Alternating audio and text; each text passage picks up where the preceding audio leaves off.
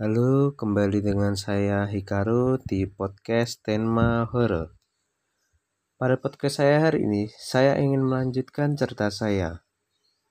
Oke, setelah itu saya tiba di sebuah perempatan yang terdapat lampu jalan dan di sepanjang perempatan itu hanya ada satu lampu yang menyala.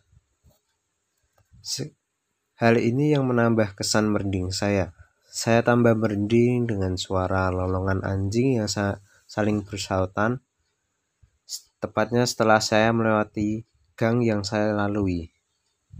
Oh ya, dari perempatan yang tadi saya katakan, saya berbelok ke arah kanan yang jalurnya lebih cepat sampai ke rumah. Dalam perjalanan, saya benar-benar merasa ada orang yang mengikuti.